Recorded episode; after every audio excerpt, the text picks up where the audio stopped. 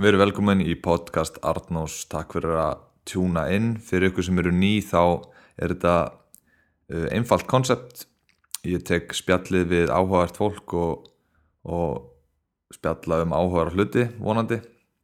Uh, ég, í þessu þætti þá spjallaði við Pétur Marno Jónsson MMA sérfræðing þjóðarinnar, hann lýsir flestum uh, MMA eða UFC eventum á stötu sport og gerir það listavel Eh, Ég er mikill aðdáðandans, hann er rittstjóri MMA frétta, hann eh, er einnig með sinna einn podcast sem hann kallast Tappvarpi sem ég mæli eindreið með það sem eh, er rætt um MMA sjálfur var hann Íslandsmeistar í Jiu-Jitsu í fyrra og var í öðru seti núna í 93 kg flokki. Um, ég hef verið mikill MMA aðdáðandi lengi á þess að nokkuð tíman vera nált í að stunda það og hef fylst með svona utan að koma þetta finnst það rosalega áhugart sport. Og mér langar að ræða við einhvern sérfræðing um þetta uh, fá hans svona, já, hans álit á mörgum málum. Meðal annars MMA umræðinni sem að verður í kringum Gunnar Nelson barndana og þess að neikvað umræðu um hvort þetta sé íþrótt eða ekki. Og það var rosalega gaman að heyra, heyra hvað hann hafði að segja. Við rættum uh, um Gunnar Nels meðal annars og hérna og bara áttum rosalega gott bjall Pétur Marno Jónsson, gjur það svo vel. Pétur Marno, takk hjá að vera að koma. Já, bara takk fyrir að fá mig. Hérna, þú ert bara sérf, MMA sérfrængu þjóður ég hérna, held ég, ég get alveg leitt mér að segja það. Já, það er samt einhverjir hundar hann úti sem veitur örgulega meira en, en hérna, sem engi veikur er sem er aldrei neins að tala í útvarpiðan eitt. Já, ég mitt, en hérna, þú bara ert að lýsa stötu sport og ég hérna er mikill aðdæmandi bara svo ég get komið þér frá mér. Takk fyrir það. Hérna, Mjög góður lýsir og, hérna, og mér finnst þú svona þú kemur svolítið frá þér að því ég er mikill áhuga maður um emma en ég er bara áhuga maður ég mm. æfið ekki, stundið ekki en hérna, hef mjög gaman að horfa þetta. En þú kemur svo mjög svona vel frá þér til hins eh, vennilega mann sem að kannski stundar ekki íþróttuna Já, það er gaman að gera það. Ég er ofta pæli þegar ég er að lýsa hvort að ég sé að missa mig einhverju nördarskap og engi sé að tengja það sem ég er að segja, en það er kannski ekki alltaf þannig greiðlega. Nei, en hérna þú, að því að eins og Jiu-Jitsuið sem mm. er hérna, kannski fyrir þá sem ekki vita, þá er það hérna, sagt, glíma eða þannig. Mm. Ert þú ekki að æfa það? Þú ert Íslandsmyndstari í Jiu-Jitsu, sá ég á, á netinu. Ég var í fyrra aðeins mitt, ég vann sliðsast til að vinna minn flokkana, fyrsta sín sem ég vinn eitthvað, hérna en er að æfa jútsu og þannig kemst inn í þetta bara uppalega sko. Okay. og hérna bara æfa jútsu alveg í ja, nýja ára eða eitthvað. Bara svona samt með lífum mjög oft mittur og eitthvað þannig. Hérna það er einmitt líka Íslandsmjötur mót núna mælgina þannig að maður þarf að verja titilinn. Já ok, það er þess að þú vannst titilinn það fyrir áriða mm -hmm. ok, geggja. Ég er nefnilega eh, að því að jújitsu er svona eh, eins og ég líti á það þá er það það er allavega ekki eins mikil hægt á hérna, meðslum þó að vissulega er hægt að veist, me meða sig með, eða lendir í einhverjum tökum og annað. Mm -hmm. en mér langar svo að pröfa þetta einmitt út af þeirri ástæðu að þú ferð ekki högg í hausinn og þetta. Já, þetta er ógeðslega skemmtilegt. Veist, þetta er bara eins og verið gannislega sem krakki nefnum að þú ert búin að læra einhverja tækni.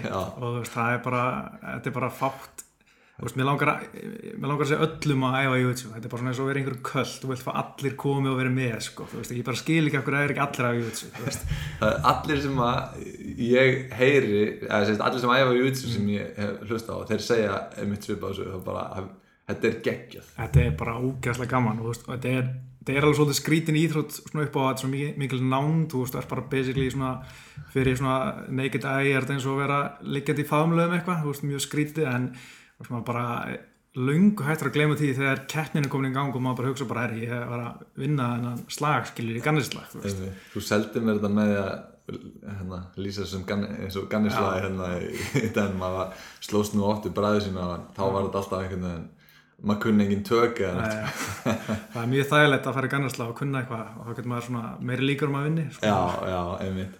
Ég hérna já, mér langar svo að pröfu þetta en maður er alltaf á fókbólta hann að maður þú veist, ég, kannski það maður bara pröfu þetta á einhverju off-seasoni bara... Já, herðu, talandu um það, Áskibörgur hérna, fylgismæður, hann er alltaf mikil MF-fan og við erum æskufélagar úr Árbænum. Hann ætlar að koma með mér einn daginn og hérna taka smá glímu.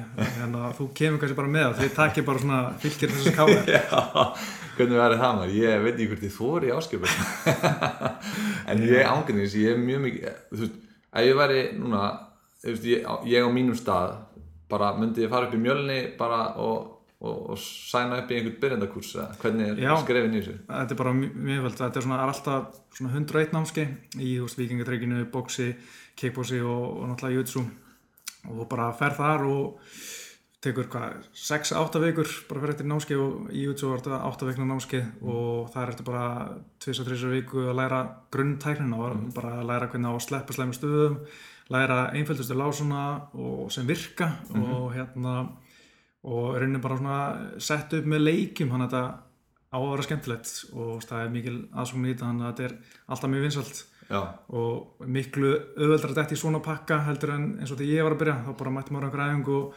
einhverju gæjar með einhver belti að pakka manna saman sko en, en, hérna, en það er ógeðslega gaman að fara þetta og mæli líka með það sem ég er svo gaman þegar ég byrja er að, hérna, að mæta með vinn sko.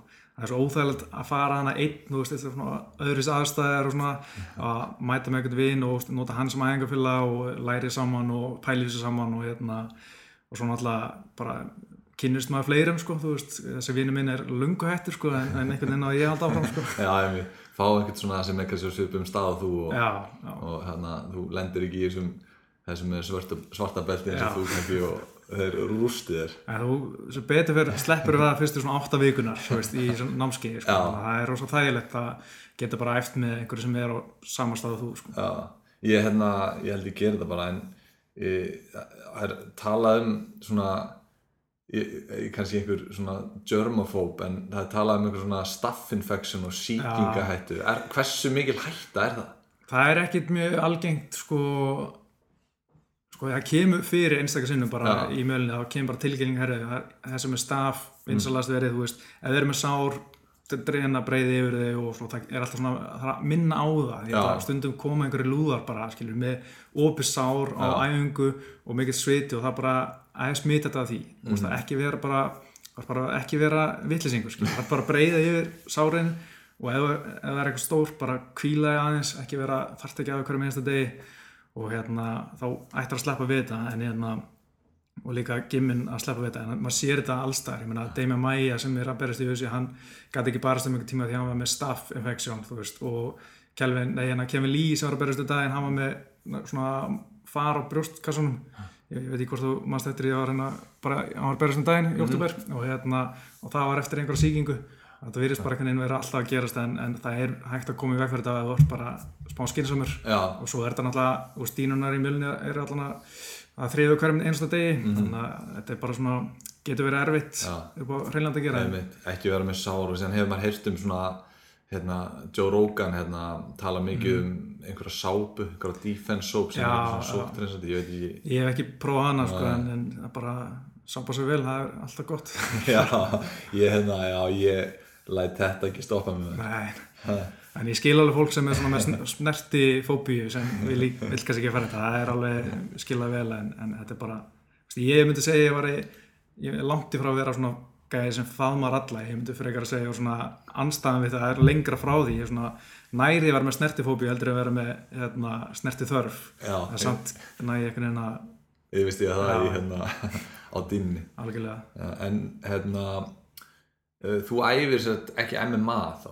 Nei, raunin ekki. Ég, ég gerði það svona fyrst ég var að byrja í mjölni þá var maður að mæti kickbóksu tvísar vík og jútsu þrísar vík og svo leiðis og, og eitthvað að reyna að læra allt til þess að geta bara, bara það er litt upp á öryggi í bænum og eitthvað svo leiðis mm. og hérna síðan einhvern veginn veit ekki okkur bara hérna mér fannst ég ekkert að vera að sparra eitthvað hart á æfingum en mér fannst ég stundum vera að fá hausverk eftir æfingar og veist þó að það var mjög lítil högg menn eru bara misunlega gerðir fyrir þetta.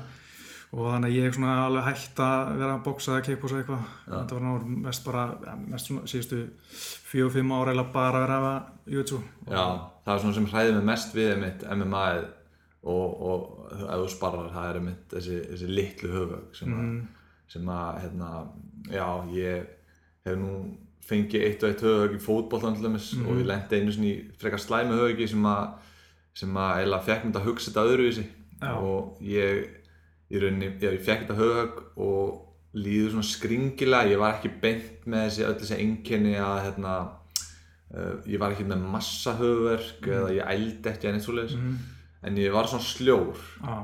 og ég man, mér langaði ekki að tala við neitt sko, mm. að ég var bara einhvern veginn bara, ég, ég, ég var bara he, heilin var bara ekki alveg 100% að virka ah.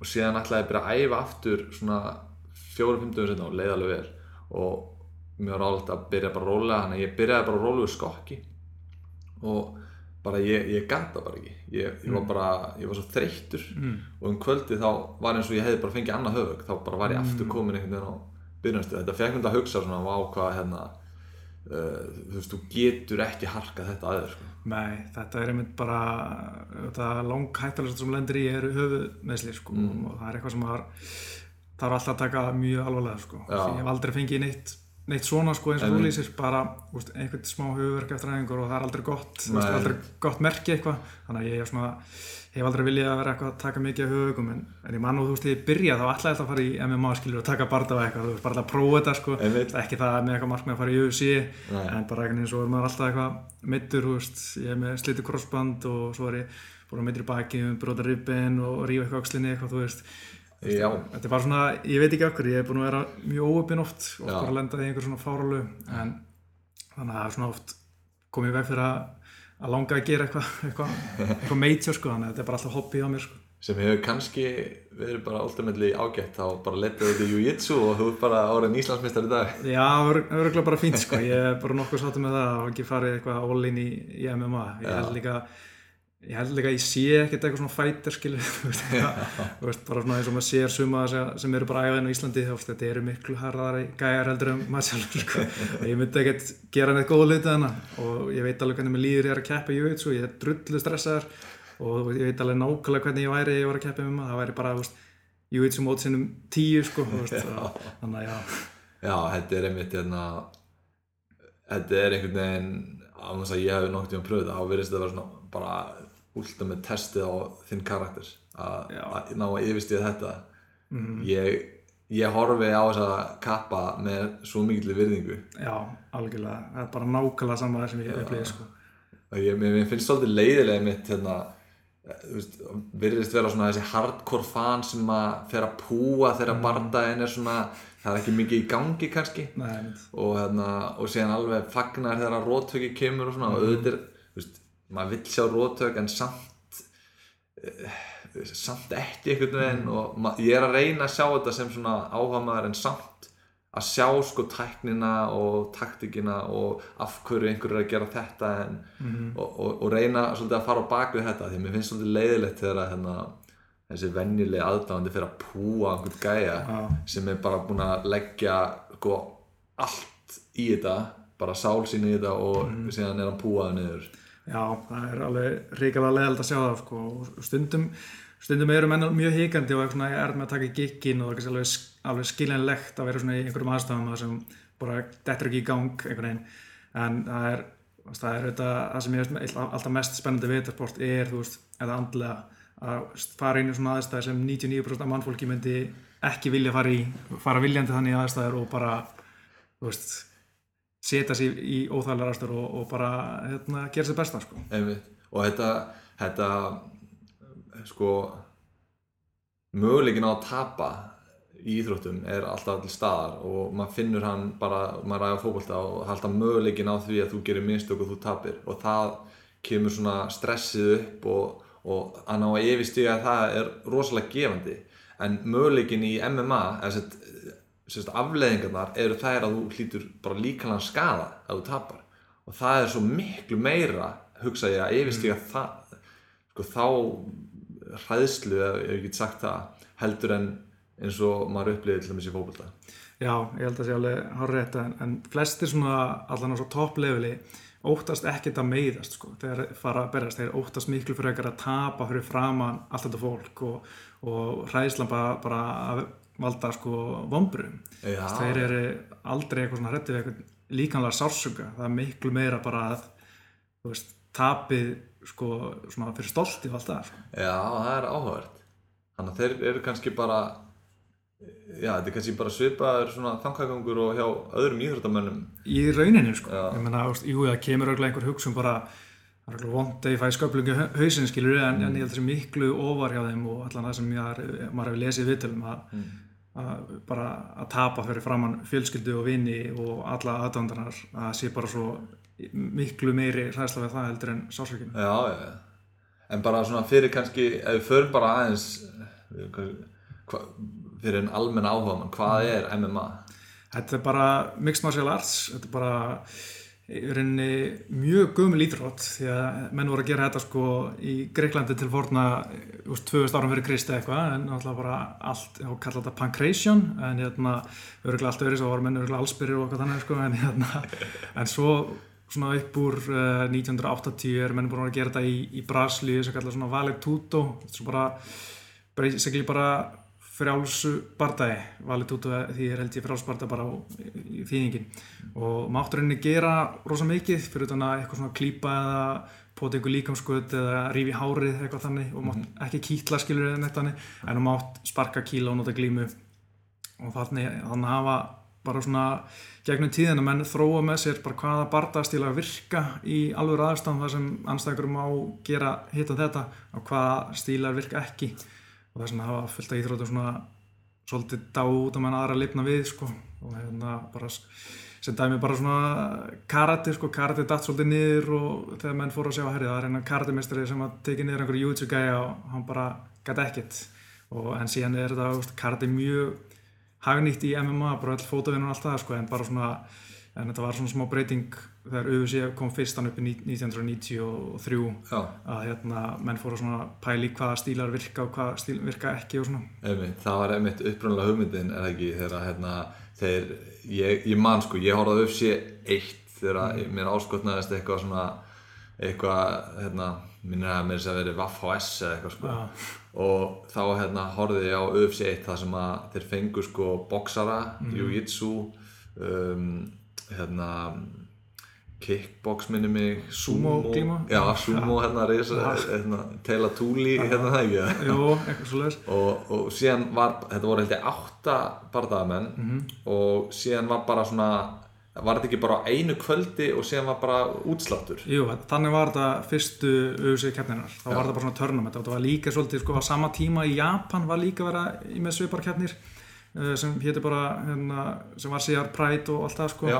En hérna en hérna voru þetta bara alls konar stílar og, og mennum þetta að taka tvo til þrjá barda saman kvöldi sem er náttúrulega fáralegt í rauninni og ekkert time limit sko, þannig að menn getur verið í hálftíma berjast og bara, herru, kortur í næsta barda sem er náttúrulega allt öðru sem menn eru vanir í dag sko. Ég, hérna mann sko það, það sem að heitlaði mér svo við þetta var hérna eins og í UFC 1 þá var mm. hérna, Royce Gracie sem var Jiu-Jitsu hérna, kappinni við mm -hmm. hann var pínu lítill mm -hmm. og hann sérst, enda að vinna þetta fyrstu hvað, þrjú skipti? Fyrstu þrjár af fyrstu fjórum hann var nummer 1, 2 og 4 Já, 1 og 4, já og hann bara, það, það var einhvern veginn eins og uh, þetta hefði verið svona fólk, fólk hefði fatta allt innu, já ok, mm. þú þarft ekki að þú, þú þarft ekki að meða menni eða þú þarft mm. Jiu-Jitsu virtist vera stillin sem að hérna, virka alveg best Já, og þetta voru Gracie fjölskyttir sem var á baku fyrstu auðvísikæðina á samt einhverjum fjár, fjárfjörstum og, hérna, og öðrum fyrirtingum. Þetta var sko kallað The Gracie Challenge í gamla þetta, þar sem Gracie fjölskyttan var að bjóða alls konar bardamönum, bara karate, bóksurum, wrestlerum, judoköpum til að koma og berjast þessi í svona valið tút og eða bara svona frjálsum barda mm -hmm. í gimminu og hérna þeir voru mikið stund þetta og voru með einhver sko 2000 dólar velun einhvern að vinna og þeir voru ósigraðir í eitthvað, þú veist, þýlit mörg ár sögðu þeir náttúrulega sko. Ja. og, og þeir ágöðu síðan hérna Greisi gæðin að senda Hóis-Greisi viljandi að því að hann var miklu minni en þeir. Higgson Greisi bróður hans var miklu starri og meira fysikal gæi en mm. þeir vildu frekar senda minninga en til að sína hvað er svo effektív Júitsu væri á móti starri anstæðing Já, til þess að sína tæknina bara. Mm.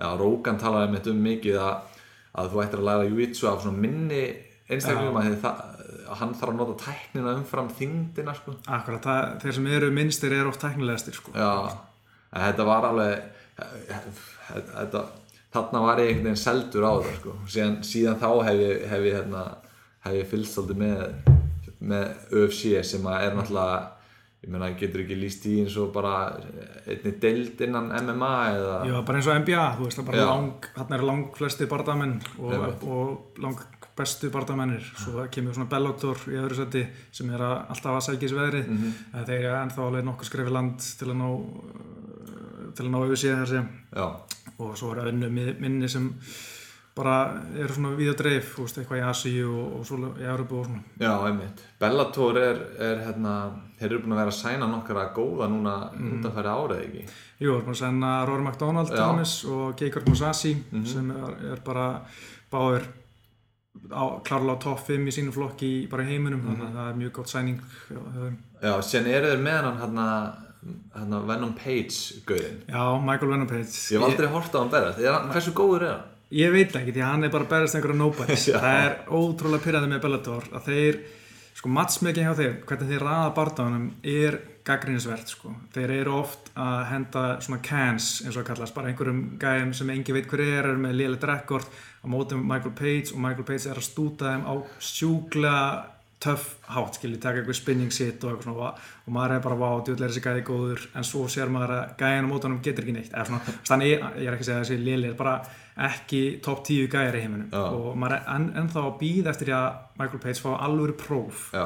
það er bara, ég veit ekki hvað er að gera en hann er bara eh, sko ekki að fá þetta alveg próf ennþá og það bara líður tímin og tímin og hann mm. er, en núna var að síðast til þess að berjast við í boksi á móti gæja sem með 1 sigur og 12 töp eða eitthvað þetta er svo mikil tíma svona sko. en af hverju var hann því? var, hérna, var einhver peningur í þessu fyrir hann? ég held að hann vilja bara prófa eitthvað slúðis þetta er bara einhver svona ævintrekall hann er alveg svakalur þegar hann er upp á sitt besta og mjög gaman að horfa hann en ég er ennþá að hann fá alvöru próf já, ég er eitthvað eitthvað verið að tala um veist, hversu líklegur er hann að sæna auðvitað Er eitthvað að tala um það? Nei, er hann ekki, því hann er bara með sinn samningu í Bellator ja. og hann er bara svona eina stjórnunum í Bellator að svona upprennandi ja. og úst, það er, hann var verið nóg eftir að sína samningi þar og er ekkert að fara á næstinni sko. Já, já, ég er hérna, bara highlightsin frá þessum gæja, mm. eru bara, hann er svona hann er svo óhefbundin einhvern veginn hann er bara með mhm. hendurna niðri ja. og, og bara dansar einhvern veginn mm. og það er ógslag gaman að horfa á hann sko. algjörlega,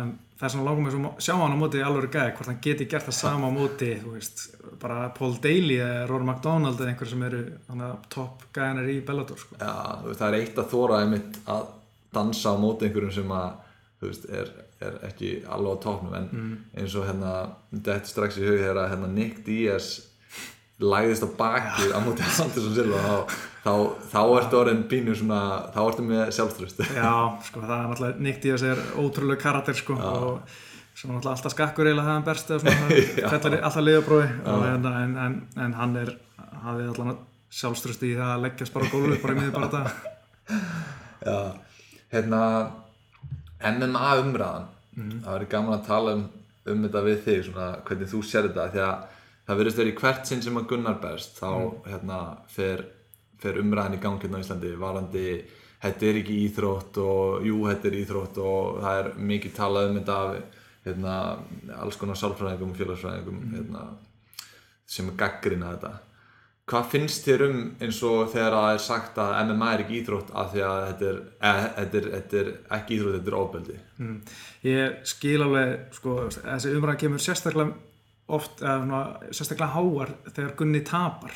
En virðist vera aðeins lærri þegar Gunni vinnur. Mm. en það kemur einmitt alltaf þegar hann berst. En mér finnst þetta bara að vera svona að vera partur af þessu einhvern veginn. Ég er svona lung og hættra pæli hvað að fólki finnst þetta að vera ofbeldi en ekki ídrót en ég skil samt alveg að fólki fílit ekki, fólk fílit ekki. Bara, þetta er brútalsport mm. bara, það segja alveg svo er oft gerast brútal hlutir. Menn er að fá sko rótaður með hásparki og hérna detta niður alveg og liggja hreyfingalöysir í smá stund úst, þetta, það er mjög brútal og mm. þetta er hættulegt, það er engin spurning um það mm. en þetta er klála íþrótt þetta eru tveir íþróttmenn sem er að æfa sko náttúrulega bara þvílitt mikið og, og allar skilgreiningar á íþróttum að mm. einstaklingar kepp og bla bla bla það fellur alltaf alveg MMA fellur alveg undir það sko Þetta er kannski ultimate íþróttir eins og við tölum um á, á það með karaktertesti sko. já, já. að bara að þóra að mæta einhverjum í einhverju svona mest præmal aðstæður sem að mm. þú finnur og bara að þóra einhvern veginn að takast á við það mm. finnst mér svona mentalt rosalega mikið í, mjög íþróttalegt Algjörlega og þetta er eiginlega það sem heitla mig fyrst við íþrótuna er að ég var að horfa á þetta og hugsa að ég geti þetta aldrei það er ekki sens að ég geti þetta sko og bara og og vitandi það er fullt af bardamönnum eins og bara GSP uh, George St. Pierre sem er fyrir um veltíðvættu kongurum fyrir það sem ekki vita var Já. ríkjandi mestari lengi Donald Cerrone sem er mjög einn af topp hundunum hann mm. bara fullt af bardamönnum sem eru bara skítrættir að hann berjast er að segja það bara ég ætla aldrei að berast aftur ætla, þetta er síðast barndagað minn hvað er ég að gera neina, láta mig friði hérna ég ætla bara að fara hann út og svo er ég hættur ja. en halda einhvern veginn alltaf áfram og mér finnst það svo magna þeir sé að stíga í óttan einhvern veginn, mm. fara út fyrir þannig að tægendarama sem við erum alltaf að tala um og gera það bara mjög oft og einhvern veginn sína þetta hugreikin mér finnst þú ekki að vera hugrakur að fara einhver aðstæðar nema svo þrettu við þar og það er þeir að gera bara marg oft og mér finnst það svo magna við þetta og ja. er, er alveg upplegað sama ótt og við myndum vera að gera mm. en samt er það að gera þetta mér finnst það eitthvað eitthvað magna við það sko. Já, ég er samanlegar og það er þessi, þessi rosalega virðing sem ég sýnir sem barðamönnum að, hérna, að þeir einmitt yfirstíga óttan og fara í aðstæðunar mm. þó að þó að þessi ótti sér til staðar sko. Já, og líka bara sko mannfólki yfir höfu er við erum skrítin, skilur, við gerum oft hluti sem eru mjög hættulegir og make ekkert sens í raunni sko. mm. en einhver mánstafn viljum við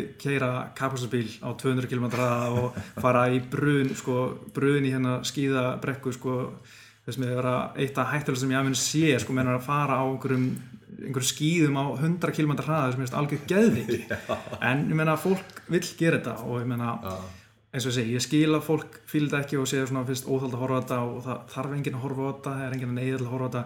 En þetta eru bara þetta er það sem fólk vil gera mm. og fullt að fólk gera svona lifa góðu lífi á þessu. Bara til dæmis Horki Massadal sem eru bæst um helgina. Já. ef hann væri ekki MMA var hann 100% í fangelsi. Hann var bara í göduslasmann og í bulli. Svo fann hann MMA og mm. sá bara, herri, ég get hérna vera berjast hann á að fæ borga fyrir það borga mig fyrir að slást, ég ætla að fara að gera þetta og hann á bara, þú veist, flott hús og konu og þrjú börn í Miami og liður bara vel. Það er einhvern veginn, virðist vera svona þú ætlar einhvern veginn að setja alla í hennan flokk sem að fer í jakkaföld á mótnana og mætir í vinnuna og, mm.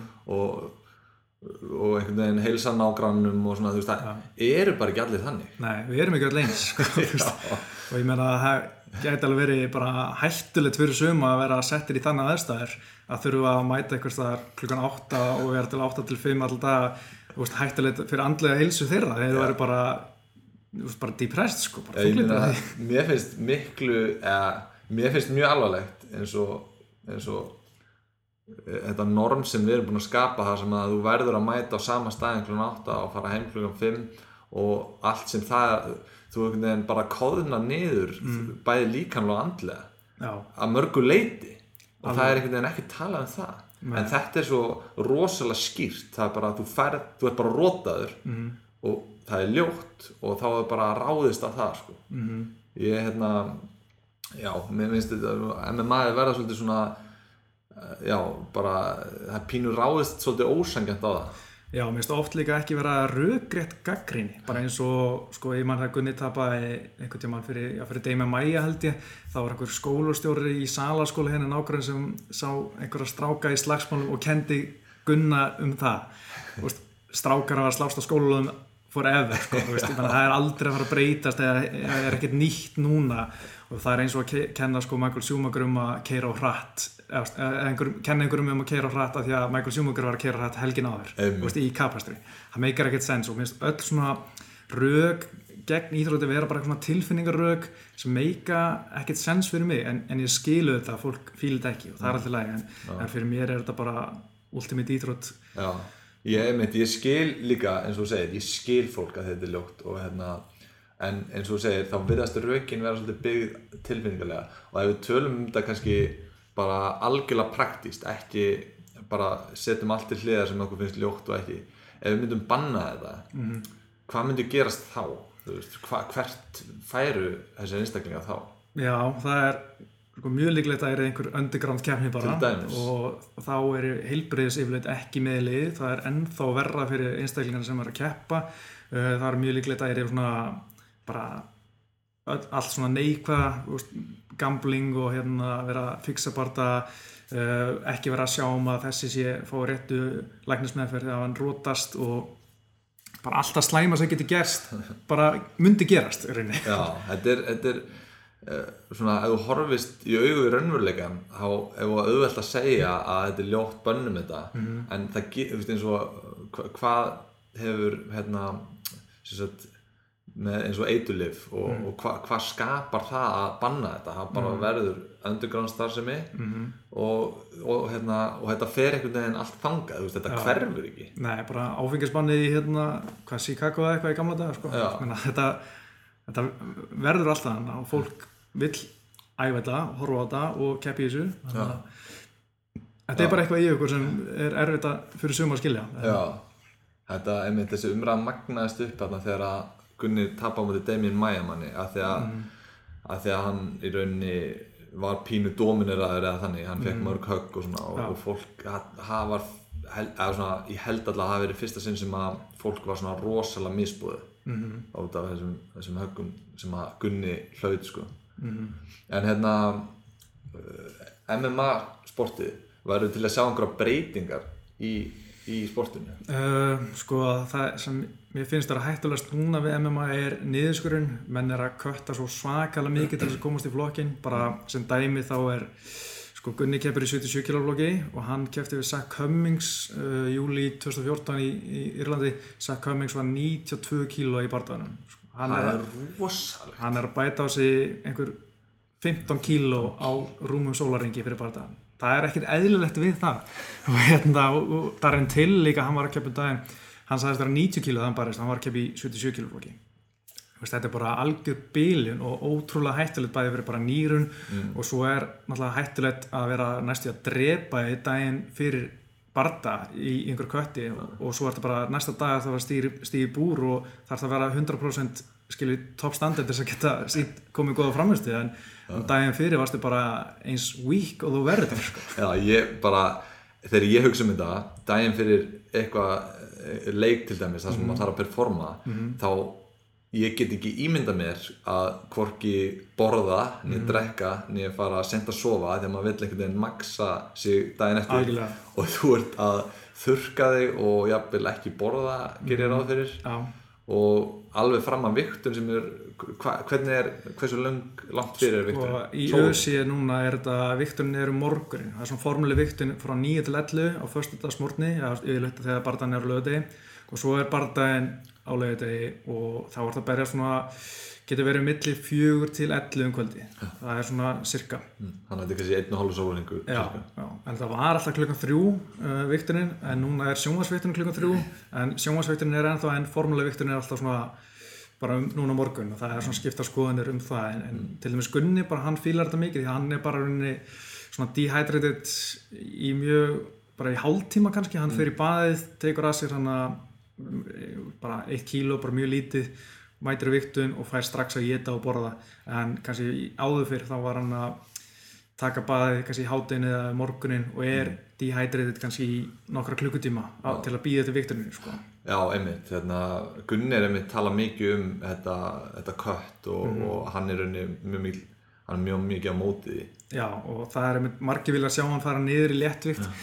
Ég er ekki sammálað því, en mm. það held ég að væri bara, sko, það hljómaði mjög aðsnálega en þú veist be the change you want to see. Þú veist ekki vera þá að partur á vandamálinu verður partur á lausninni. Já. að verða að berjast í, í þínum eðlilega þýndoflöki og það er það sem hann er að gera. Og bara sem samanbörir þá er hérna Hafaldur Sannjós sem var léttundumestri í fyrra 2016 Já. og hann hérna hann er, er lærið en Gunni. Mér veist Gunni verið þykkar en hann. Mm. og hann var að lýsa niðurskurum í léttundan sem bara sko meðvitaðlaus einhverja þrjár mínundur, gæti ekki staðið uppbreytur sko fyrir títilbarta og þetta var bara algjör horrorsögur og hann fer upp í veldvitt, er komin í flokkina skunna, okay. bara vel út búin að vinna sko, tvo barta held ég þar Já ok, hann er komin upp Já. hann átt að keppa við Conor í lettvittinni Já, Já og hann er bara, gengur vel þar og, mm. og ég, veist, ég hugsa að Gunni væri myndi fara í letið þá væri hann í einhverjum gæti lendi í sögum baka vera bara ekki geta staði uppbreytir út af sko bara líka mann í svona eiginlega fokki sko Já. og ég vill ekki sjá það sko. Nei, síðan eru margir búin að vera líka að færa sig upp upp á síkastegi eins og var ekki Cowboy, Donald Cerrone hann mm -hmm. farið svo upp Já. og talaði vel um það uh, voru ekki einhverju fleiri sem ég kannski Mér finnst þetta að vera aðeins að breyta sko, menn svo aðeins að vera meira meðvitaður um mm. þessa svakalega, svakalega niðurskurð uh, ég man ekki eftir John Lineker hann var að fara upp mm. í flyweight en það var að því að hann var alltaf að feila ég held að hann heimsmyndi að feila á vikt sko, en það ekki Já, okay. og svona mér erst allt svona aðeins að vera að koma meiri hérna, svona, minni áherslu að vera einn stór og geta möguleg orði í barndaganum uh, og hérna, ég veit ekki kannski ekki menn sé bara meðveitur um hættinu sem ást að leggja Já. á þeim Ég heyrði líka að hérna að það væri sérstaklega vond fyrir heilan að fá höfuhögg þegar þú ert uh, með vöggarskort Já, og það er einmitt uh, talað um að þú heilin eða, er, heilin í, nei, vökun í heilunum ná ekki að hérna, endur hlaða sig á bara einum hálfu sólarengi eins og annars það er líka honum heldur það takir lengri tíma og það er auðvöldar að vera að rótast þetta er svona, ja. ég bara heirt þetta en ég veit ekki hvort það sé einhverju vísend á bakveit Nei, ég heirt þetta mynd líka og ég veit ekki sannleikan í þessu En, það sem er sko eitt með það með hérna niðurskurinn er að það er svo erfitt að leysa þetta menn er ofta að leggja til að það er bara vikt að áhverjana stíði búrið og, og þá þetta munnu menn hætti þessu en það er ekki þannig, menn mun alltaf reyna að finna fórskoti, alltaf reyna Já. að kvötta eitthvað og það er ennþá hættilegar að fara að berjast eitthvað alveg díhættrið sko. mm. þá er þetta bara, geta þessu döðsfull sko. en ég held að eina lausnin sem ég sé sem var erfið er að vikta bara menn allt árið sjá hversu þungur þú ert dagstaflega mm. og segja að mátt bara missa x mörg kíló. Þú ætti bara að vera þar, þá myndi allir þurfa að færa þessu upp, nefnum kannski gæjar hans og gunni. Og, og það var í lang þægilegst en það er náttúrulega mjög erfitt í framkvæmt þú ert með einhverja meistara sem þú veist eins og Tæra Vulli, mm. hann er örgulega svona 90 kíló þegar hann berst í, er að keppi 77 kíló flokki. Flokknum hans gunna, meistaran þar. Og að þá meistarinn að fara upp og allir meistarinn að fara upp og það setur allir svolítið fokk sko. Já, þetta, en en þarf kannski að gera það upp og ég meina eins og þegar fyrst þeir byrjaði að livjaprófa það fóð svolítið mm. allt í fokk þannig sko Já, kannski ekki eins mikið á í bjósti, eina svona stærsta breytingi sem ég sá þar var að, banna að fá hérna, næringu í æð eftir viktu það Já. var eitt sem menn voru að gera sko. sem er alltaf bara eins fárlegt á hljómar sko, bara fá okkur næringu í æð bara úst, upp á hotelherbyggi sko. en, hérna, en þetta er bara það sem menn voru að gera mm. það hefur haft áhrif á kötti það sé erfera sko, að, að, að að recharta sig eh, raun eftir köttið og tilbúin til að berja staðin eftir. Já, einmitt. Þannig, en eins og hanskanir uh, hefur ekki Gunni talað um hanskana að annarkort að minga og eða jáfnvel ekki vera með hanska? Já, Gunni er einn af þeir sem myndi helst bara vilja sjá enga hanska, hanska hann er mjög ofta kíla í púðan bara ber hendur og svona kemur á kartinu Já, hva, hvað finnst þér um það? Nei, sko mér finnst við uh, ætlum að halda hönskunum bara á þetta að lítur svo ógæsla brútal út að vera berhendur. En munurinn, þetta gæti jáfnvel verið svona hotlara herinni fyrir hausin mm. að vera með ekki með hanska því að þú kýlir ekki eins fast þú setur ekki eins mikið höggin því að þá hættir um að bróta höndina þér. Að þá væri höggin kannski ekki eins þung að því er rauninni það sem að því þetta er svo litlir hanskar þeir eru rauninni bara að hjálpa núanum á þér að brotna ekki. Þeir eru ekkert að gera það mikið minni skada heldur en að vera bara berhendur sko upp á það sem færhauki sko. En, en það, og vantalega sko að þú ert berhendur þá ert ekki að teipa á þér hönduna eða hvað? E, sko, ég held að það er eiginlega menn væri líklegir til að bróta sér úrliðin einhvern veginn þannig sko, Já. en menn eru ofta að gera þótt að sé með vapningar sko, Já. en það verðist bara rosalega misjant eftir einstaklingum sko, menn Gunni vil aldrei neina vapninga, hefur aldrei viljað mm. og er oft, ég held að sé bara að því hann er kemur á kartinu og var mikið að kýla bara berhendri púða mm. og ég held að hann bara á hans að segja einhver vísnið tilbaka, þetta er bara að styrkja úrliðina bara þannig að hann getur gert það mm. en svo eru sumi gæja sem þó sem með alla vapninga heiminum brjóta þessu höndinni hverja meðsta barða sko. Já, einmitt Já, ég hérna ég veitur henni ekki hvað mér finnst sko, ég hef bara heyrt svona sérfræðingar tala um þetta að þetta er þá kannski, þetta lítur verið út en mm. þetta er í rauninni minna brútal upp á að að þú ert að passa hendurna þér í staðin já, já, þá er... þetta kannski meira svona uh, svona hreitna forma af sportinu eða eitthvað slúðis Já, þannig sé sko mm. en, en ég held að það væri svolítið óstór breyting núna að hérna væri erfitt og væri líka, kannski með hanskana væri hægt að gera kúftari þannig að það sé erfið að rétta fingurinn út eins og hann vinur okkar Ponsin og gerði við gunna Já, mér langar að finna að spyrja það því hérna, að því að eins og í senasta barðaðum að skunna þá mm. var bara potað grimmilega auga á hann tvísvara, þrísvara ekki allan að sko tvísvara sem er sérst mjög ljóst á hérna, greinlega á hérna miðböldum en, en jafnvel fjóru sinnum sko að maður svona vil gefa honum engan benefit of the doubt sko. Já, ég hérna að því að þú getur alltaf sagt þetta var óvart en þú getur líka sko þú getur sett puttan út og þá ertu náttúrulega líklega til að poti auga en mm. það er samt tæknilega sér óvart mm. en væri þá hægt að segja eins og þú segir að, að vera með þá kúftari hanska eða Já. er það lausnin sem þú sér? Það er eina lausnin sem ég sé mm. þessu því að til dæmis í Pride sem var, er í japansk barndagsamtök sem var í, í Japan svona dói 2007, hann hefur búin að vera lengi ekki til, mm. en þar voru kúftarhanskar og maður sá aldrei æpók þar mm. og, og ég held að þetta tengist að stóru hlutam hanskunum því að það er svo auðvelt að rétta fingurinn alveg út með þessa hanska í auðsí, en í með præt hanskana þá mm. bara getur það ekki getur ekki rétt úr lóðan ef maður reyna að lýsa þessu Já, en hvernig myndi það vera ef þú í jiu-jitsu-inu mm. eins og Gunni fer náttúrulega mikið í gólfið hana mm. myndi það trubla það mikið?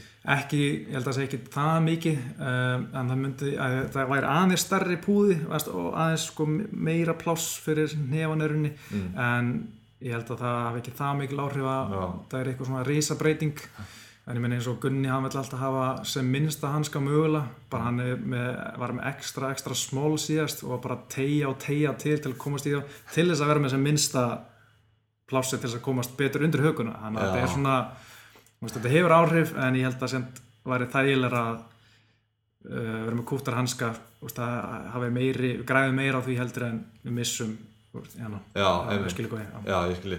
Hérna, já, ég, einmitt síðan, síðan eftir þetta enn bardaða hjá Gunnari það sem hann bara réttlæti skendin er bara einhvern veginn, manni finnst þetta bara að vera ránt mm -hmm. Öðsef verist ekki hafa mikinn áhuga á að gera eitthvað í þessu þannig að því að Gunni kærði þetta ekki og það var sagt, uh, já, hann tapaði málun eða, mm -hmm. eða þannig.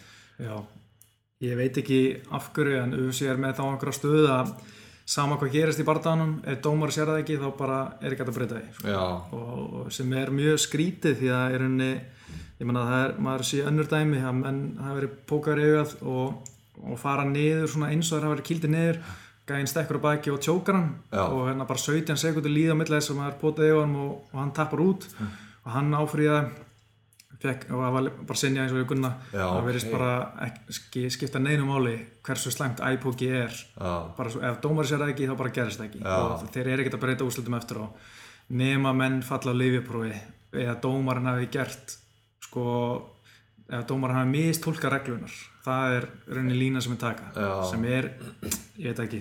Mm. mér finnst það mjög leðilegt en kannski má líkið svo við í öðrum íþrótum, ég menna það er rángstöðumark sem uh, er úrslitamarkið, það var ekkert að vera að breyta eftir á. Mm. en, en mér finnst samt að það væri svo auðvitað að hætta að breyta þessu því að þá var að menn kannski miklu meira að passa sig að vera með ekki með puttana lengst úti. Eins og, ég menna í fókbólta eða það er eins og segir rángstöðumark þá þá er ekki hægt að breyta eftir á mm -hmm. en ef að til dæmis það er brotið á einhverjum og dómarinn sér það ekki þess að þú fær ekki refsing í leiknum Akkurat. þá er þetta eftir á Akkurat. þannig að ég veit ekki hvort það væri eitthvað fórlega erfitt að breyta þessu Já, mér finnst það að það er mjög eðlilegt bara ah. mitt persónulega maður að breyta þessu í svona no contest eða bara sigur en dæmdur ógeldur og það ætti bara að vera þannig en, en við séum bara ekki á sama máli ja.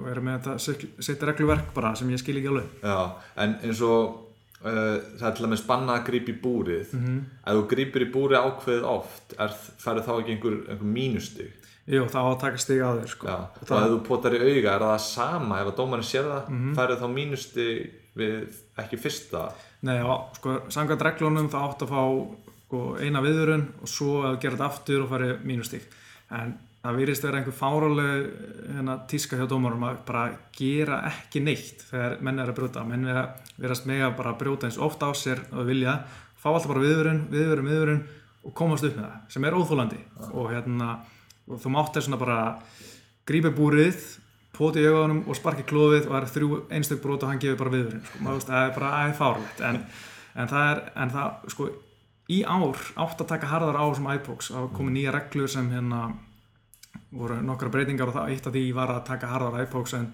maður er bara ekki síða í verki sko. Nei, ég, ég man ekki hvað barða og ég var að horfa á þá var ég mitt sagt, það var kilt eftir að hérna, lóta var búinn mm. og þetta hafði augljóðs áhrif mm. á sagt, hann sem fekk höggið -hmm.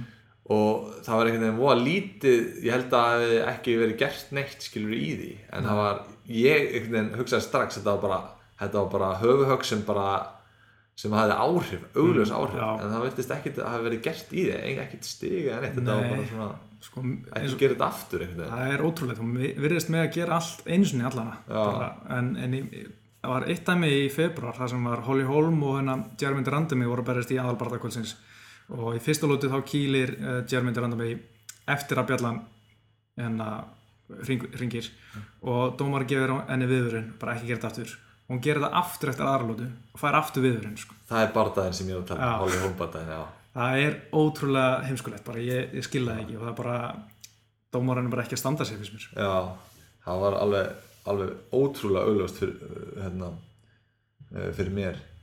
Uh, ég kom aðeins inn á höfuarkan á þann hérna, þurfum kannski ekki að koma mikið inn á það en, en, en veist, það er að koma rosalega mikið að rannsókn núna um þetta CTE og mm -hmm. þetta, þetta sem að kemur kannski ekki ljós fyrir setna mér mm -hmm.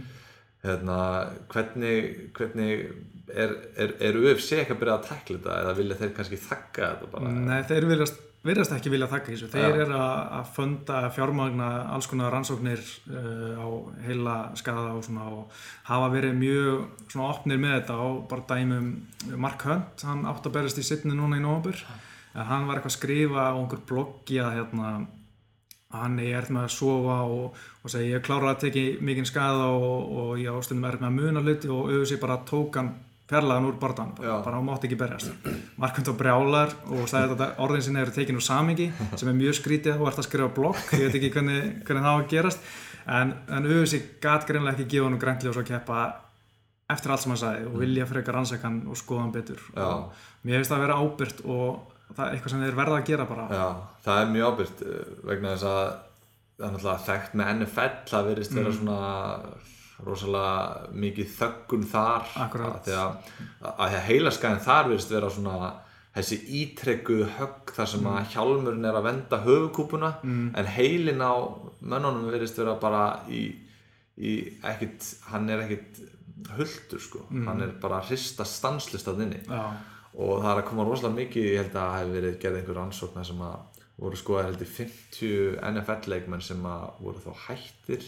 Ég veit ekki hvort sé alveg að fara með rétt mál en, en, en hérna, punktunni sá að það voru 49 af 50 með eh, einhvers konar vott af þessum heila skemmtum það var það rosalegt að heyra það. Já, og það var eitt barndamar um daginn sem hann var bara svona 25-26 ára gammal, hann dó bara í hérna, var keirt yfir hann bara í bíslis hann var bara eitthvað sem bara keirði yfir hann og hann, hann lest lit lífið. Hann var búin að berjast einhverju barnda og búin að vera aðunum að einhver tíma en ekki ekki í þessu, bara svona fyrir eitthvað lága level. Hann var með hana CTI sko. Já, að þú getur ekki séð þetta fyrir að þú krefur þá heilan eða ekki? Það er svolítið skeri að svona ungur maður sé með svona, en maður veit svo sem ekkert hvort hann sé með eitthvað hvort það sé mismöndi eftir einstaklingum hvort það sumi fá þetta það er ekki maður veit heldur ekki hversu mikið þessi gæi var að fá hversu mörg höfuð hann var að fá var hann að mm. æfa eins og villisvingur að láta kýla sig og, og mæta aftur daginn eftir í harðaæfingu eða, eða hvað þannig að þetta svo getur ótt verið mjög erfitt að, að, hérna, og vandarsamt sko.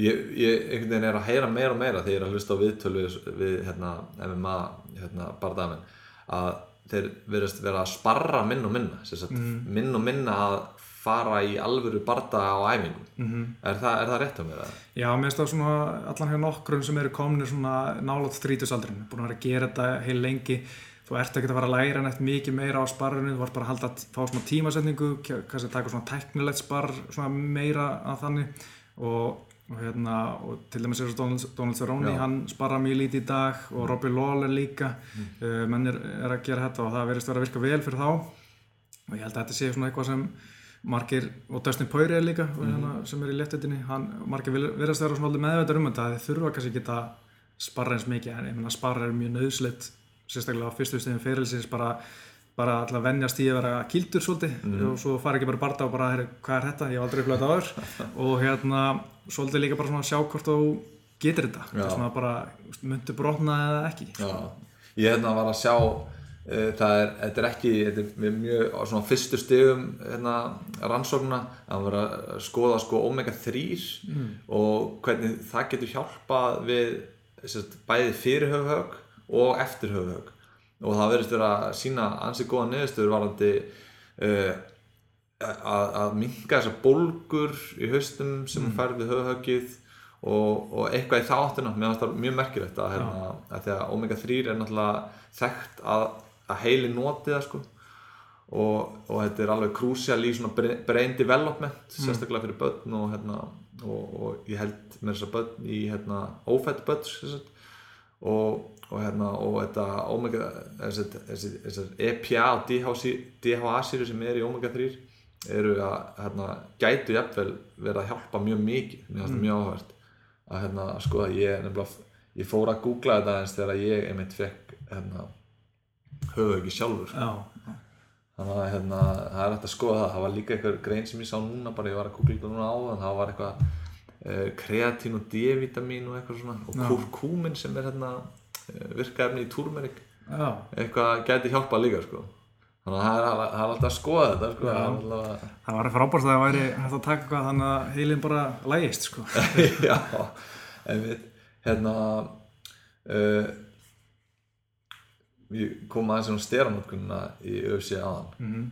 uh, USADA sem að er uh, þeir sem að testa barndagamenn kom mm. inn í þetta fyrir hvað cirka tveimur árum eða Já, júli 2015 Já, hérna og það virtist ímislegt breytast hversu mikil heldur að stjórnum hafi verið uh, fyrir það? Uh, ég held að hún sé uh, hafi verið mikil og sé mm. ennþá alveg ákveðlega mikil Já. en það er bara, jú satt það sem þeir eru að gera þeir geta testaði all, allan ásins ring mm. saman hvort það sé aðfokkadagur og engi barða framöndan eða þóttu sjálft að berjast á næsta lögadag mm -hmm. og það verðist að hjálpa rosalega mikið en, hérna, en samt sko þeir sem hafa verið að falla liðbrónum hafa ekki verið að falla á einhverjum beinhurum styrum eða ekki, ekki margir sko mm. margir að falla á sko fyrir svona, svona hvað er það svona þaglósandi liv mm -hmm. sem er oft notað sem svona masking agents til þess að fela styranótkun en þess vegna er, er það bannað sko mm. og hérna ég held að það sko, maður alveg séð að sömur líta bara öðru svo út, sömur hafa bara ekki sömur hefur bara ekki gengið vel Já. bara eins og vinnur okkar Johnny Hendricks Einmitt. hann er með eitt sigur og fjögur töp í síðustu mm. síðan að Jósata kom og hann var rosalögur fyrir þess að hann var, var mikil kontender fyrir Já, og hann er bara það er bara ekki sjón að sjá hann mm. í dag sko, hann Já. er bara með bumbu og fara hann upp í flokk og getur ekki neitt það er þetta ógæslega gaman en það er hérna og, og Vítor Belfort, það eru svona alltaf myndir svona fyrir Júsata eftir Júsata sko. sko Vítor Belfort var náttúrulega bara búin á styrum í 20 ár og það var bara einhvern veginn engin að stoppa síðan kemur Júsata og þá hérna náttúrulega segist hann ekki geta bara lifað á hans að vera á hérna, TRT, testosterone replacement therapy mm. sem er svona færð fór lækni að þjórt með náttúrulega lágt testosterone Já. sem eitthvað ekkert sens hjá aðrunni íþrótumanni Já, en það er bara því að líka mann er hættur að framlega styrra að hérna testur hann sjálfur að því að það er búin að vera að nota svo mikið að spröyta í því testur hann skilur og þá líka mann svo vanar ég að bara að fá þetta. Þá, þá hættir hann framlega þetta. Já, Já. og þess vegna var eins og marg, voru margir á sín tíma alltaf með að fá TRT mm. og hérna, sem eitthvað ekkert sens að aðrun íþróttumar sé alltaf með náttúrulega lágt testosterón sko.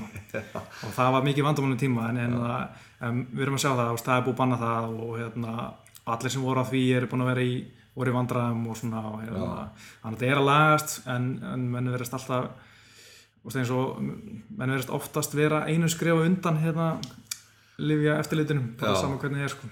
Einmitt. Já, það komur svo mikið bara svona testosterón plástra til dæmis sem ég heyrði einhvern af að þú setur þetta bara á því þegar þú fara að sofa og hérna og svo tekur þetta aðeins bara þegar þú vaknar og þá er, tekur bara klukkutíma að fara á systeminu eða eitthvað þannig og þetta er menn, það sem menn er að nota yfirlega styrana er bara til að recover og geta æft meira. Þess að ekki að nota styrana öllu framistuðu bætandi liv til þess að vera eitthvað rosalega sterkur þetta er bara til að geta æft þrjusvona dag Já, það er þú styrar, ég meina þú spröytar ekkert í styrum og fer síðan bara leggst í sófan og, og hlutum gerast. Þetta er náttúrulega ofan á þetta brjála hugafar þar sem að menn er að æfi svo skeppnur og, mm. hérna, og er að gera allt og, og, og eins og segir, taka stera til þess að recover eftir það og mm. þannig sko. þá, þú veist, það er svona hættileg blanda sko. mm. Já, ég, hérna, en þeir verðast alltaf að vera að hreinsa upp svolítið að einhver leiti svona þetta mjög áberandi þessar mjög áberandi stjórnum eins og hjá Vít og Belfort sko. Já, en menn ég held að, að fleiri myndi falla sko en það hafa alveg margir sem bara lítið útrúðar styrum fallið á liðbúri uh, þó að sumur hafa verið náða að sanna einhvern veginn með einhverjum að ég var takin þetta fægabútræfni og fengi minna bann. Já. en bara dæmis og Jól Romero sem er vaksin eins og bara hann bara, hann lítur út eins og bara svona auglýsing fyrir styranóðkun bara svona myndi lítið út, þetta tekur þess að styra hérna. Og hérna Gleison Tíbo hann er bara einn massastið maður sem ég aðminn síði hann fjall að liðbúri og hérna Uh, bara nokkur svona gæðar sem bara svona líti út eins og posterbói fyrir styrra, þeir voru að falla þannig að það er, það er mjög gott sko. og svo náttúrulega var John Jones búin að falla tviðsvar sko, og endalist við sem er hann og, Já, greiði kallin maður eða þú veist, ekki greiði kallin hann er búin að kannski bara grafa sinni einn gröf og, og rosalega sorglegt með hann hennan ótrúlega íþróttamann. Mm -hmm. að hann er búin að einhvern veginn klúðra þessu algjörlega sjálfur Já, og maður getur ekki sett hann á einhvern góð status núna út af bara öllu þessu sko. bara allt sem hann hefur gert er bara svona undilt bara. Já, hann, hérna, ef við kannski förum aðeins yfir hans, hérna, sögu, hann var mm. bara hann er í rauninni ennþá ósigraður, ekki? Jú og, og hann var meistarinn og hann fellur á leoprófi fyrst aftur Sko, hann fellur fyrst á leoprófi sem var tekið fyrir Daniel Kormir barðan að í janúar 2000 hérna, þetta er desember 2014 sem hann fellir fyrst á liðbróði þá finnst kókain í liðbróðnars en það var rauninni mistök hjá þeim sem voru á liðbróðan því það átti bara að prófa fyrir sko, framhustöðbætandi ekki svona strítröks eins og bara marihuana, kókain alltaf því að lífi eftirleitið eða svona UFC er engin lögga þeir er ekkert að tjekka hvort þú sért að taka marihuana, kókain mánuð fyrir keppni. Þeim er þannig að sé saman það þú veist. Mm það er kannski ekki sama en þú veist, þeir er ekki að fylgjast með því mm. en það meira, sko, maður ekki vera undir að maður ekki finnast kókain eða marjána í kefni en við þetta kefnis, þá máttur márinu finnast hvað sem er nema einhver framherslu bætindefni mm. og það finnst kókain hans liðbrói og þá koma upp fullt að sögur bara, herri, já, ég, að heyra þetta allir tímar skilur og, og maður að heyra frá öðrum professional fighters bara, já, ég, það vissu þetta allir í, svona, in and know, sko já en svo hérna fær hann, hann fyrir í sólaringsmeðferð og bara komin aftur á stað og hérna yngar afleggingar fær hérna veist, bara algjört kæftæðurinnu svo hérna einu og hálfu ára setna þá eftir að hann búin að skýta á sem með valda áreikstri og settir í fangilsið næstu og þannig Já. þá er hann að berast í, fara að berast í Daniel Kormir og svona þremu dögum fyrir barndan, hann meini að venda á USA 200, bara stærsta kvöld ársins þá fellar hann leifaprófi og það hann náða að sína fram á það að þetta efni sem fannst í lifbránu sem voru svona estrogen hindrar sem menn nota oft er að koma af styranótkun til að hjálpa til að halda estrogen framhengslunum niðri. Uh, það var sem sagt hann náða að sína fram á það hefur í hérna svona rispillu sem hann á að hafa tekið. Einhver svona bensinstöða sko, viagra eða eitthvað sem er alveg fáralett það hefna, og maður kaupir ekki alveg. Nei. og sérstaklega ekki eftir að hann fekk, fær eins og spann, kemur aftur í júli núna þessu ári vinnur Daniel Kormir bara með bestu framistu á ferðlunum þrejum vikum eftir það fellar hann aftur á liðprófi þar sem hann kemur ljósa hann var með eitthvað, eitthvað stera. Ég held að mann ekki alveg hvað hann hétt en það er svona old school 1970 austur hérna, Þískaland steri sko. og það er engin spurning, það er bara steri. Það er ekki eitthvað svona þvægulóðstefni eða estrogen hindri, það er bara pjúra bodybuilding steri sko. ah. og það er ekkert komið úr því. Hann er, það kemur okkur einhvern tíðan úr því í nógambur minnu Þess að loka niðurst að um banni þá. Já, hvort hann fá banni eða ekki sko. Mm og ég menna, ef hann er einhvern veginn að ljúist út úr þessu að þetta hafi verið einhver fæðubadrefni sem hann tók eða bla bla bla veist, ég, að, fær, já, það, ég myndi vera orðlös Já, já, hann að þú veist hvað hva, hva er næst fyrir hann, hvernig lítur þetta út? Veist, er, er, er þetta bann sko, nummið tvö ekki? jú, er það ekki miklu lengra þá? Jú, það er sko allan að tökja á bann. Já, og, hann er hvað, hann er nú ekki tvo gafan Nei, hann er þrítur og hann er bara gæti alveg koma aftur en, en ég menna ef hann, ef hann ég held að tveikjar á bann sé lámarkið mm. og hann gæti alveg fengið lengra bann að þetta er hans annar brot og, og eitthvað svo leis og mm. hérna en það er bara, getum við ekki tryggjar á bann og það verður það bara úst. Líka sko, ok ég hlusta okkar við tala við Dana White sem er hérna fórsett UFC mm. og hann virti sem að vera bara búin að uh, bara missa þólum að það sko. hann er líka spurningu um það, bara færa hann eða þú veist, hann getur þá kannski farið einhver önnu barða samtöku mm. eða eitthvað en það er svona, veit ekki hvort að fólk nenn að gefa hann sensin aftur algjörlega, það er bara mjög góð punktur og veist, ég veit ekki hvað auðvitað ætlar að gera því að ef þeir láta hann fara að gefa hann þá fer hann bara 100% í Bellator sem er með mjög lítið lifi eftirlit í ræsin í Japan það sem er bara bókstall ekkert lifi eftirlit Já. þannig að þeir úst, sá aðlið sem semur við John Jones mun klárlega græða á því bara sölulega sér en, en úst, mun alltaf vera með hann stimpil á sig sem eru með hvort þið er að það er ekki tekið á lifanótkunana mjög lítið eftirlit allan. Já, þannig að það er hérna það er spurning hvað hva gerist og þetta er þetta leðilegt fyrir aðdáðandan sko. Það er hérna þú veist, potential superstjarnar einhvern veginn sem að já, bara klúðra þessu, þannig séð. Já, hann var bara bestur í heimi bara, veist, ég var með bara eftir framhustöðan á móti Daniel Cormier sagði að hann var bara gótt og það er bara ekki rétt Nei, það er líka ja, hver er hérna að þínu mati bestur alltaf tíma? sko mér finnst það eiginlega alltaf DSP hefur alltaf verið svolítið minn maður. Hann var svona fyrsti uppból spartamaður minn og menn, hann hefur aldrei fallið á liðuprófi hann er aldrei, hann hefur hefnt fyrir t- töpun sín. Uh, var uh, mjög lengi ríkjandi meistari kannski ekki mikið að klára barða hana en uh, hann er alveg að mínum að þetta er svona góð svo er náttúrulega Andersson Silva uh, bara mál með hann að hann fyrir líka á liðuprófi Já, og sem er alltaf svona, maður veit ekki sem er náttúrulega einhver rispilla líka. Það er alltaf menn með hérna geturleysi hana sem er mjög skritt en hérna, hann að maður svona setur allt sem hann hefur búin að gera í Eva. Uh, Fedor Emil Janko var náttúrulega mjög mikið í Japan að að bara tróna á tóknu þar í þungættinni en hann barast mikið við svona óþægt að gæja hér og þar sko. en er einmitt Fedor er svona að svipa eins og með Venom Page núna, þú veist, maður veit ekki hversu sterka anstæðinga maður að keppa við. Já, veist, hann barast ekki við alla á bestu, hann barast við, við marga mjög góða. Veist, eins og Krókop þegar hann var á topnum og allt það en það er bara of mikið af nöfnum hann sem get ekki neitt sko. Og hérna já, það er svona þeir svona fjórir svona John Jones tæknilega séð sem væri þannig uppi en, en það setur allt í veist, allir hinn er með svona smá vafa með DSP vera bara svo mikið meðateknin Já. hann var bara smart gæi sem veist, gerði bara alltaf rétta en veist, auðvitað veit maður ekkert hvort hann var að juice eða ekki. Nei, en ég menn hann, ástæðan fyrir hann hætti á sínum tíma var að hann fannst ekki vera að taka á liðaprónum já, hann talaði mjög mikið um það á sín tíma. Já, að hann, hann alltaf var að berjast núna um helgina við Michael Bisping hann er að koma tilbaka eftir ekki fjögur ár? Fjögur ár Já. í burtu sko. Það verður ekkert smá spennandi að hérna, sjá hvernig sábardaði fer. Ég, var, ég er með mikil GSP maður og var að fylgjast mjög mikið með uppsið þegar hann var hérna, hann var að dóminara svolítið.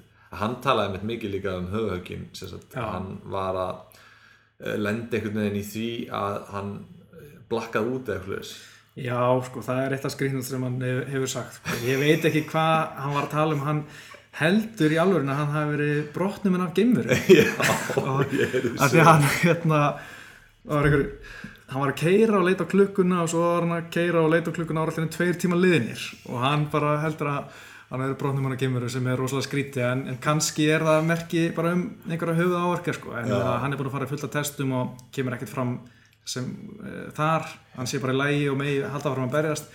En það er mjög skrítið að segja þetta Ég, hafði líka ógeðslega gaman af Bisping sem hann er að fara að berast í núna.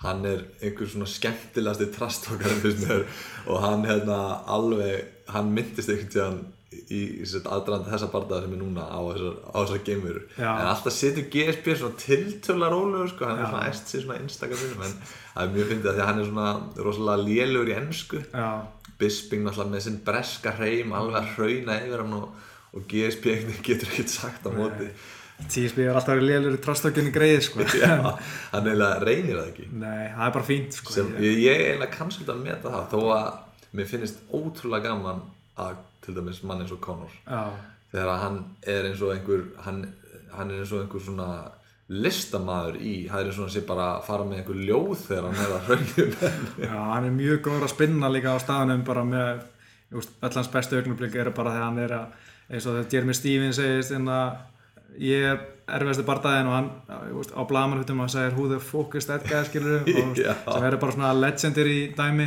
og ótrúlega bara fyndið að sjá hann þegar hann er upp á sitt besta svona í þeim gýr, Já, sko. þegar hann var hérna í aðdraðanda bardaðan við Aldo Já, þá það var svo ótrúlega augljóst einhvern veginn hvað hann náði að æsa allt og upp, Mhm. svona smátt og smátt ekki bara æsa hann upp, heldur bara svona gjössalega gera hann brjála já, hann var alveg bara, hann, og síðan ég meina, ég veit ekki hann náttúrulega virtist koma svolítið reyður inn í bardagan og, og svona eh, og eins og Conor spáði fyrir um sko, hann kemur einhvern veginn, hann ekki að hann myndi koma og reyna að sko í einhverju reyði að lemja hann og þá myndi hann taka vinstir í krókin já, það getur verið sko, ég manna ekki nákvæmlega en þetta var bara fjall nákvæmlega upp í hendunar hjá Conor eins og hann vildi, veist, 13 segundur bara ein mesta góðsögn í þingdurlöfum bara, þetta var ótrúlegt sko þetta var bara, ég bara aldrei upplegað svona moment áður Nei. að horfa, horfandi á íþróttaviðbúr Já, þetta var rosalegt sko. Ég var náttúrulega í Vegasan og það var bara bjór út um allt og bara þetta var eitt af magnaðast það sem ég nokkuð tíma upplegað sko. Veist, Það er svo gaman að þegar Conor er að berast þegar Íranir er svo styrla skemmtilegir sko. það setur allt upp á næsta level sko, með aðdandur og þannig að það var, það var hann er eins og einhver sko nútíma bara, þú veist, Genghis Khan týpa sko, hann bara það eldan, ég veit ekki hvað margir írar út um allan heim. Já, og hann fer á viktina sko daginn fyrir barda og það er eins og hann sé bara, þú, þú sér bara á einhverjum Já. veist, það er tjanta svo hátt.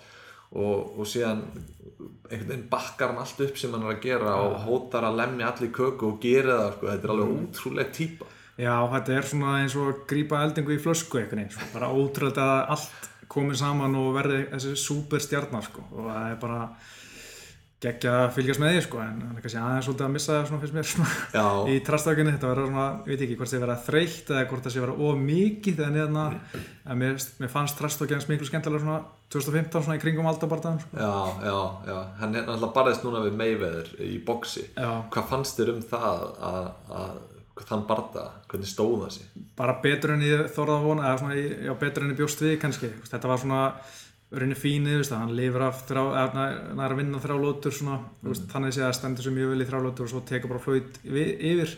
Og hann flöyt hefur átt verið svona þekktu fyrir að byrja hægt og svo bara er hann að lesa anstæðingin og býða át þetta og svo tekur hann yfir bardaðan það var bara nokkurn veginn það sem gerðist sko. hann Já. bara beigði át þetta, leiði honum að þess að bara sína, sína sér hvað hann var hefði búið að bjóða. Mm og tók yfir bardaðan og, og ég held að allir séu nokkuð sátt um þetta. Við bóks á menn fengi að sjá Floyd í síðustu sinn og klára eitthvað sem hann hefði ekki gert í biljón ár. Og meina, Conor var sér ekki til skammar, hann stóð sér bara vel gegn einu besta bóksara sögunar og þetta var bara fínt en ég er rosalega fegin að þetta sé búið. Já, er það ekki já, núna, já, hva, hvað er næst fyrir hann? Ég meina, við, við vonum að það sé MMA bara það Jú, ég held að sé alveg alla líkur því. Og hann verið Tony Ferguson saman að beltin, hann er náttúrulega bráð að bera mestarinn hann í léttitt og Já.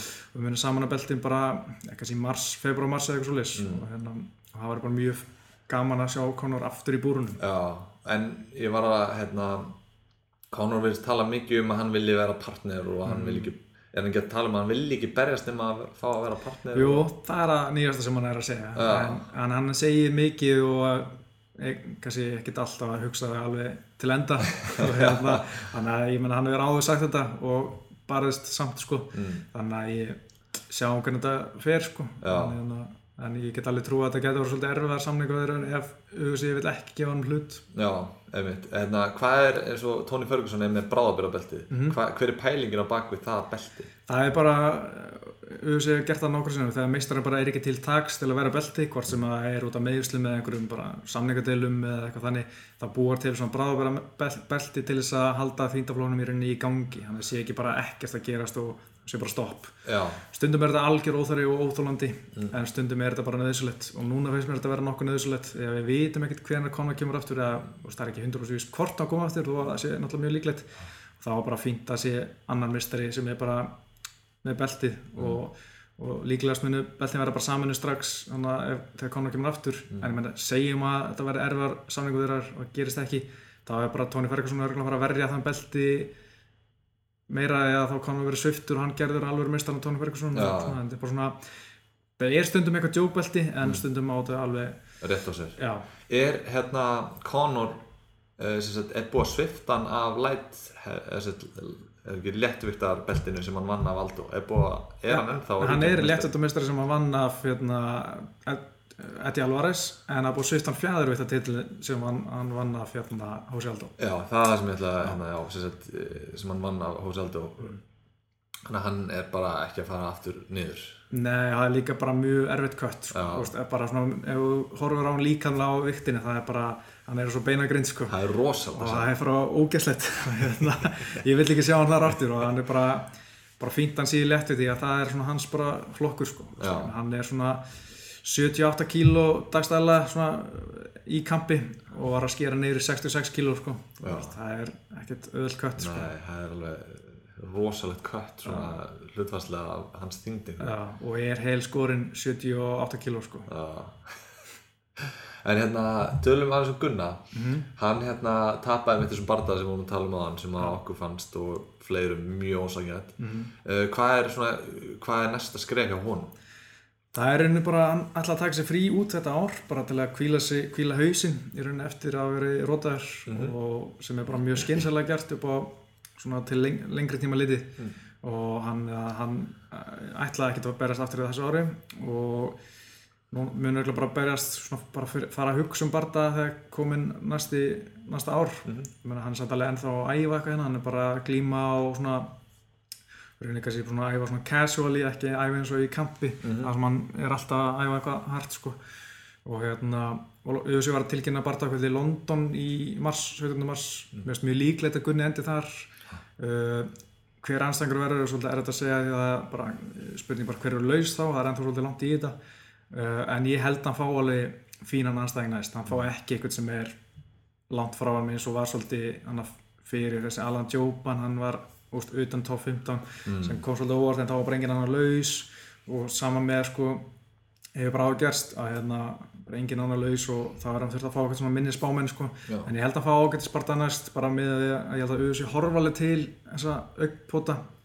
við það ákveða næsta barta Það er kannski ágætt svona að því að, að, því að þetta er náttúrulega óhefbundið sporta þýleitunum til að bartaðin eru settið saman mm -hmm. ef þú ef þú tekur bara vennilega íþrótt eða svona eins og hérna, fókbólta, handbólta þá bara hérna, þá keppir þú bara dildina, þú bara ja. átt til leikjaprogram mm. og hérna en það er kannski ekkit hægt í MMA því að þú getur ekkit barist svo oft Nei, það er, menna reynda oft við erum með svona útslættamót og svona en það bara hefur ekki gengi ja. það er, menn er alltaf meðast menn er dætt út og kemur einhver replacement í staðin og hann er kannski að enda á að vinna mótið eða eitthvað svona, og þetta einhvern veginn bara hefur ekki gengið upp að vera með svona tournament mm. menna að vilja þetta og þetta hljómar svo vel en það er bara einhvern veginn einhverjum ástæðan bara gengur þetta ekki upp og, og, og einmitt stundum bara út af þessum meðslum sko. og þurfum þá berjast oft á nokkra mánuða fresti, það er erfitt bara. Það er eina af svona eitt af því sem að menn nota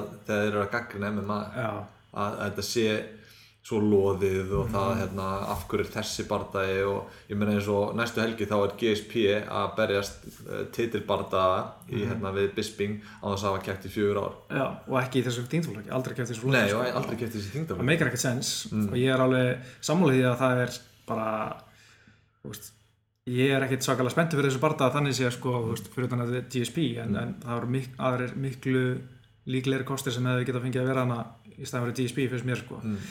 en ég menna uh, þetta er líka entertainment og það er alveg stór partur af þessu og það er kannski svona oft erfitt að réttlæta stundum að þetta sé sport að því að stundum er entertainment aspekti svo stórt í þessu en, en undir niðri er þetta samt enda ídrátt og entertainment hluti sé alveg stór hluti að þessu vissulega sko. einmitt, einmitt. og það er kannski, ég meina eins og í þessu tilfelli sem er gunna, þá, þá líta þær á tapið hans að þeir sáu að tapið var ósengjant og þá mm. kannski geta þið litið til þess að hann, veist, hann fá ekki eins uh, látt rangaðan uh, hérna, barndaða næst Já, en ég held það sko, ég er bara svona, ég er ekki 100% á því, mann alltaf veit ekki hvað auðvitað er alltaf að hugsa, en, en mér finnst svona það sem var heyrt af hvernig auðvitað er að taka marka á þessu tapi sko. að, hérna, og líka bara en svo fer það líka svolítið mikið eftir bara hver er laus þegar hvernig er tilbúin að berjast sko. En það er oft verið eins og hérna, bara ég man núna hérna, Tyron Woodley á móti Wonderboy mm -hmm.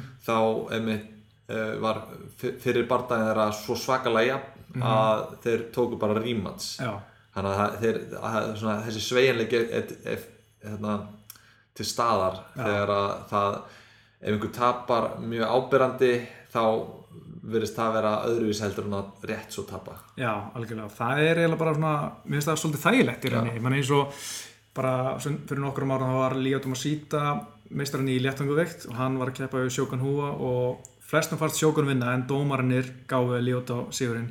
Það var bara, herru, rímat sérna eftir fjóra mánu það berðast bara aftur og þá náðu Sjókan að vinna skilur og var meistari. Það voru allir mjög ósattu með niðurstu í barndan og þá bara, herru, við gerum þetta bara aftur. Og það er bara, mjög bara mjög fínt Já, ég, já, ég, ég er bara samlaður sko. hérna uh, íslenskir bardakappar hafa verið svona uh, hafa ekki verið svona rýsa svolítið upp, ég meina MMA er svolítið stórt á Íslandi ekki? Jú, þetta er alltaf að stækka og sérstaklega með fleiri íslenskum keppinum sko, sérstaklega það var alltaf bara Gunni. Nú er þetta orðið alltaf Bjarkið Þór hann er orðið nokkuð stór, hann er 4-0 sem aðrunumar, mm. Sunnarannu er alltaf 3-0 sem aðrunumar, hún er alltaf að vera líka þekktari og þekktari sem er náttúrulega miklu betra að vera með og svona. Já. og svo eru fleiri á leiðinni en, en bara þetta verðist gera svolítið hægt sko að fá barda, þetta hefur verið að taka svolítið langa tíma fyrir marga, Já. en vonandi verður svona að vera koma meiri bara svona fleiri barndar hjá okkar fólki Já, í hvað hva, hérna, samtökum er til og með Bjarki Þóra að keppa? Hann er búin að vera að keppa í Fightstar mm. uh, búin að taka núna þrjá barndar þar og líka bara vel við og það mm. er bara eitthvað svona lítil barndarsamtök í Englandi, það er mm. miljón þannig til Já. en hann þekki núna útbúin ágóð sambandi við hérna promóterinn þar og það er bara eitthvað svona gluggi sem hann er að stefna á að kynna sig þar -hmm. og er mistran þar, er að fara að vera beltið sitt núna í, í desember Já, okay. Og hann er bara að gera góða hluti þar. Ég menn hann gæti alveg barist einhverstar annar staðar ef hann vildi en bara, bara hann bara fær barta þarna og það gengur vel að fá barta og þá er bara alltaf að halda því áfram. Og, og sunna er náttúrulega einn vikta Emi. sem er bara kvennabartar og það er bara stærstu kvennarsamtöki heimirunni mm -hmm og næsta skrif fyrir hann að væri bara auðvisi það er ekkert annað sem er stærra en innvikta fyrir hann sko. það er bara mjög flott stær til að vera á, núna á, á þessu stíði Já, hversu góð er hún? Hversu, hvernig er til dæmis ef hún, segjum, ef hún er meitt núna ekki? Jó, meitt í höndinni Í höndinni, ef hún, ég menna, ef hún vinnur næsta barða mm -hmm. Hvað, er hún þá eitthvað að nálgast eitthvað titil þar? Já, hún gæti alveg sko ef hún tegur næsta barndag samfærið þá gæti hún að fara að nálgast titilinn sko. mm. mannum ekki alveg hver er mistarinn en það eru svolítið að fara mistarinn er oft tekinn í auðsi og bara sænar sko þannig að það er eh, sjaldan sem að sér eitthvað svona ríkjandi mistara lengi Já. nema það sé einhver karakter sem auðvisi er ekkert að fíla sko sem mm. um sé það gera sko en, hérna, en þannig að það er ekkert svo langt í titilin, hún er núna 3-0 en er svolítið búin að vera að vinna stelpur sem eru bara mjög stutt komnar á sínu ferðli eins og hún uh, og eru líka að taka sín fyrst skref í innvikta þannig að ef hún fær næst einhvern svona aðeins reyndar í anstæðingi í innvikta sem er kannski búið með einhverja fjórðbarda eins og hún og, og, hérna, og þá getur hún verið komin í þess að titil baróttu svona í, í myndina. Mm. Já, þetta er rosalega áhugt og gaman að sjá hvað hva MMA er að stakka fljóttið á Íslandi og hvað Íslandingarnir virðist vera bara alveg grjót harðir eins og á fleiri vikstöðum í sportinu það er alveg útflöð hvernig Já, við erum að gera eitthvað hérna. Eitthvað gott sko. Við erum að gera eitthvað gott. En hérna uh, við erum búin að tala alveg heilengi með þér ég ætla að fara að sleppa þér. Ég, hérna, þú ert með MMA frettir og bara ég mæli með þeirri síðu geggju síða. Ég hlusta á Tappvarpi sem er þinn podcast. Já. og ótrúlega skemmtilegu podcast. Mæli með því að fólk hlusta á það líka. Og hérna bara eitthvað eitthva, eitthva svona sem þú vilt bæta við? Nei, er raunin ekki, bara, bara takk fyrir að hafa mig. Það er gaman að koma í spjall hérna og bara mjög gaman að segja Frábært, takk ég alveg fyrir